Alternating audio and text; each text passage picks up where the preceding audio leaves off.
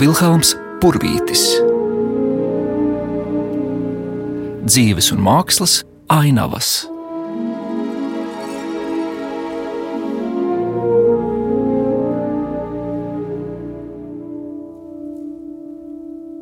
Labdien! Mans vārds ir Liena Visendorfa. Es esmu Latvijas Nacionālā Mākslas muzeja glezniecības restaurātore.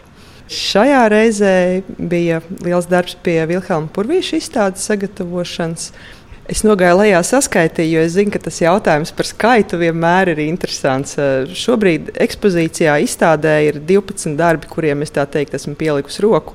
Bet to nevar vērtēt tikai tā uz gabaliem, jo ir darbi no tiem, kādi četri bija tādi, kur tā nopietnāk, tas prasa ilgāku laiku. Un tad pārējie ir tā, kas vienkārši izrāmēšanas, ierāmēšanas procesā varbūt nedaudz ir jānotīra, varbūt kādam kāds mazs stūrītis jāsalīmē. Tādi nenopietnāki tie visi tie darbi. Bet četri bija tādi lieli, nopietnāki, kas ilgāk atradās restaurācijas darbnīcā un kur bija kārtīgāk jāpiestrādā. Liena Visendorfa ne tikai strādājusi ar konkrētajiem mākslas darbiem, kam nepieciešama restaurācija, bet bijusi klāt darbu atlasē pirms izstādes, kad iespēja apskatīt pilnīgi visu un izvērtēt gleznu saglabātības stāvokli. Tas man bija patīkams pārsteigums, tā lielā daudzveidība, gleznieciskā, kāda viņam ir. Nu, tālāk jau arī šī iespēja redzēt un izvērtēt tādu lielu apjomu deva tādu labu iespēju izvērtēt pašai darāmos procesus, jo iepazīstoties jau ar darbu tehnoloģiju, bija skaidrs, kas būs jādara, kādas varētu būt problēmas kur kam jāpievērš uzmanība, kur īpaši jāpiesargās. Piemēram, ir kaut kādi jūtīgi slāņi, jūtīga krāsa vai jūtīga grunts. Un tad ir jāstrādā daudz uzmanīgāk, ko ir grūtāk izvērtēt, ja paņem tikai to vienu darbu uz restaurāciju. Un kurš eh, darbs tad prasīja vislielāko piepūli? Vislielāko piepūli prasīja īstenībā ļoti mazs darbs, kurš ir izstādes sākumā. Tur ir divi ļoti līdzīgi darbi, kam atšķirās ievērojami rāmis. Viens ir tādā vienkāršākā, otrs uzkrītoši greznā rāmī divi eh, parka skati, ķēzardārs, jeb viesturdārs, tādi pelēcīgos toņos. Un, uh, tur bija ļoti ilgs darbs ar absolūti neredzamo pusi, ar gleznas aizmuguri, kur iepriekšējo gleznas eh, stāvokļa labotāju rīcības rezultātā bija daudz līmes. Nu, tas tā specifiski tā līme atstāja iespaidu arī uz virspusi. Tāpēc to aizmuguri vajadzēja notīrīt. Tas bija liela knibināšanās, strādājot ilgstoši pie mikroskopa, lai nesabojātu to audeklu. Tad varbūt aiziesim jā, tomēr. Jo, jā, dodamies uz izstāžu zāli, lai kopā aplūkotu divas minētās Vilhelma Purvīša gleznas ķēzardārs, kā arī vēl citus restaurētos darbus. Tā, nu mēs esam ekspozīcijā un Liena man parādīs. Jā, šie mazie darbi ir vieni no, no tiem, ar kuriem es strādāju. Tie ir uh, abi ķēzardārza skati, abi ap 1900. gadu glaznoti.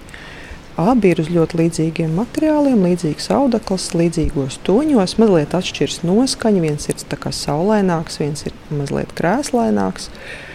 Un, uh, viens no tiem bija tas, kur nācās diezgan ilgi pastrādāt, ļoti rūpīgi pie tās gleznas neredzamās puses, lai savukārt tā aizmugure neietekmētu atkal virsmu kaut kādā veidā un būtu viss skatītājam baudāms. Šeit arī tas kūstošais sniegs. Tas arī prasa kaut kādu vēl papildus uzmanību. E, kūstošais sniegs viņa darbos mēdz būt tāds, kas prasa papildus uzmanību, jo, ja ieskatās, tad tā visbiežāk ir tāda ļoti biezi gleznota vieta darbā. Tur ir triepiens, kur mēs redzam, kā ir gājuši otras sari. Un pēc tam restauratoram šīs vietas ir grūti notīrīt. Ja virsma ir netīra, ja tas darbs ir jātīra, tad šajās dziļo riepienu vietās visvairāk sakrājas netīrumu. Viņa dzīves laiks bija, protams, malkas apkure. Krāsnis, skvēpi, Vilkams Purvīts bija kaislīgs smēķētājs, arī tas nosēžas viss uz gleznas virsmas.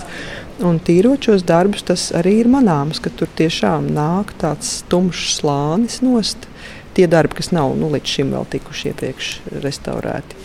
Tur ir sakrājušies šie sodrēji. Un kur vēl mēs varam pieiet un paskatīt, kas ir jūsu nesenais mm. veikums.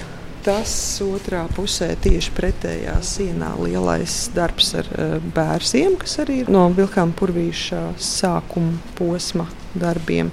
1897. gada darbs, vakara krēsla, jeb vakara zvani. Tas bija nepateicīgs savā ziņā dēļ izvēlētā materiāla. Viņš ir izmantojis audeklu, kas rada pēc tam vēlāk problēmas restauratoram. Viņš ir nestabils, radās plaisas. Bet uh, interesanti bija arī strādāt ar to darbu, tāpēc ka viņš bija nolakots ar laiku, visi lakas slāņi sadzeltē. Un eh, šo laku noņemot, atklājās ļoti skaists kolorīts, tāds pērļaini, pelēcīgs, kurš nebija zem tā dzeltējuma tik labi redzams. Un ir vēl kāds ļoti interesants uh, darbs, divas studijas, kas atrodas blakus. Viena ir pavasara ainava, kur ir ierāmēta, un otra ir sniega studija, kas atrodas vitrīnā, neierāmēta. Šis ir bijis savulaik viens mākslas darbs, kur uz katras no pusēm ir uzgleznota cita ainava. Kā jau māksliniekiem gadās, viņam darba procesā vai nu aptrūkstās materiāls, vai tā iepriekšējā neliekas pārāk izdevusies, pagriež otrādi un glezno kaut ko citu. Un spriežot pēc tā formāta, abas ainavas ir bijušas atšķirīgā virzienā. Tad viena ir bijusi skatāma, otra kājām gaisā. Un, uh, veidojot purvīšu simtgades izstādi, Teodors Zaļkalns, kura īpašumā to laiku šis darbs ir bijis, ir iedevis šo darbu uz izstādi. Acīm redzot, saskaņojot ar restauratoru, ir ticis nolemts, ka to darbu sadala, kartonu sašķeļ un iegūst divas studijas, kuras nu jau ir iespējams parādīt abas pareizā virzienā, ir skatāmas abas. Mūsdienās mēs iespējams tā vairs nedarītu. Bet uh, pirms 50 gadiem tā bija normāla restaurācijas prakse, un tā, tā darīja. Jūs arī izjūtat to mākslinieka veidu, kā viņš ir strādājis, kāds ir viņa paņēmiens, triepiens un tā tālāk. Jā, tas ir tas, kas man visā šajā profesijā un specialitātei patīk visvairāk. Kad es varu būt tik tuvu tam mākslas darbam, es viņu redzu bez virsrāmja, es viņam redzu aizmuguri, es redzu visus tos materiālus, es viņu varu apskatīties mikroskopā, ja es kaut ko neredzu ar acīm pietiekami labi. Un, es redzu, to, kā viņš ir veidojis to savu darbu. Tas arī ir visinteresantākais. Kādi ir tie materiāli, uz kuriem ar kādiem mākslinieks glazno. Tas ir ārkārtīgi aizraujoši to visu izpētīt. Nu, kāds ir bijis purvīts rūpīgs? Samērā rūpīgs. Ļoti racionāls, kas attiecas piemēram uz glezniecības formātu. Ja pārdošanā ir konkrēti izmēra kartons, tad viņš viņu īpaši negriež, paņem veselu gabalu un uz tā arī glazno. Ja viņš iet studijās, tad uh, darbi var arī izstādē redzēt, ir daudz darbi, tādi nelieli, ļoti līdzīga formāta, kas ieiet studiju kastē. Viņš ieliek tos darbus studiju kastē, piestiprina un glezno ārā plenērā strādā. Un, eh, jāatzīst, jā, parasti ar viņa darbiem nav tādu nepatīkamu pārsteigumu, ka kaut kas neturētos kopā īpaši. Ir atsevišķas lietas, ko nevar pārmest purvītim, bet vairāk kaut kādiem materiālu ražotājiem, kur var redzēt, ka teiksim, konkrētā zaļā krāsa vairākos darbos plaisā. Viņš jau nezināja to, ka tā būs. Viņš pēc labākās sirdsapziņas izvēlējās materiālus, sagatavoja pamatni un gleznoja. Un ar laiku izrādījās, ka šis viens pigments ir slikts vai, vai šī viena krāsa tomēr netur laika pārbaudi. Vēl restaurātori vērš uzmanību gleznu parakstiem, kas arī ir interesants vērojuma objekts. Bieži vien darbs ir jau pabeigts, droši vien stāvēs kādu brīdi darbnīcā, un tad tas tiek parakstīts acīm redzot brīdī, kad uzskata par gatavu. Tad tā teikt, laiž tautās darbu ar visu parakstu. Restaurators to var redzēt, skatoties uz to parakstu, redzams, ka ar slapju krāsu ir strādāts uz jau nožuvušas krāsas. Un ir pat tādi darbi, kas uh, ir tikuši reproducēti izdevumos bez paraksta. Un šobrīd mēs jau viņu zinām kā parakstītus darbus. Tātad viņš ir uzskatījis viņu par pietiekami pabeigtu, lai iedotu publicēšanai, bet pēc laika tomēr pārdomājis, ir mazliet nelielas izmaiņas. Un viņš arī ir parakstījis beig beigās to savu studiju vai, vai lielo kompozīciju. Un paraksti viņam arī mainās laika gaitā. Sākotnēji, protams, ir paraksti Krievijas valodā, jo viņš ir studējis Krievijā.